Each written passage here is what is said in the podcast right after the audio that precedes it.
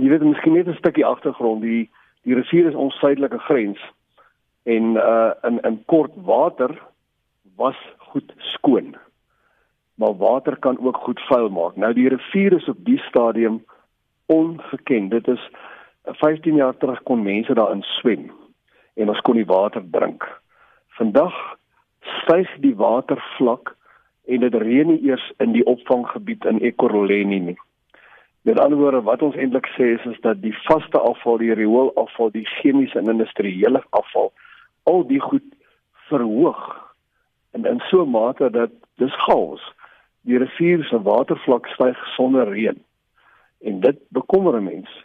Ons het in die laaste 12 jaar het ons redelike aksies as besigheid Centurion onderneem. Ons het die twee golfbane Centurion golfbaan en die Swartkop golfbaan, sowel as eintlik Irene ook, het ingeklim en ons het die sakegemeenskap hier regtig bymekaar getrek en ons het die plaaslike owerheid sowel as Gauteng die departement van omgewingsake vasgevat maar met geen geen sukses nie.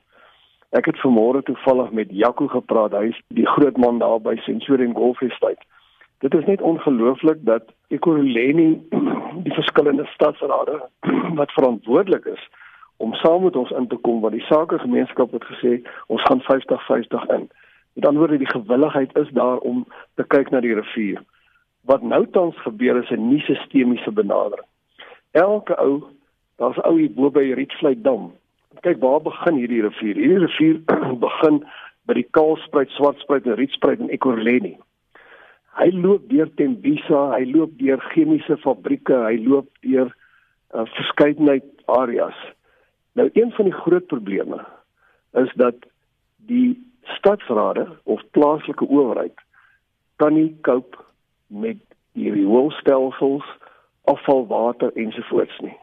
Die goedes loop in die rivier in. Dis nommer 1. Nommer 2 is dat die afval is nie net riool nie. Dit is vaste afval, swaar metale van fabrieke, boere wat kunsmis onnodig gooi en dit spoel in die rivier in ensovoorts.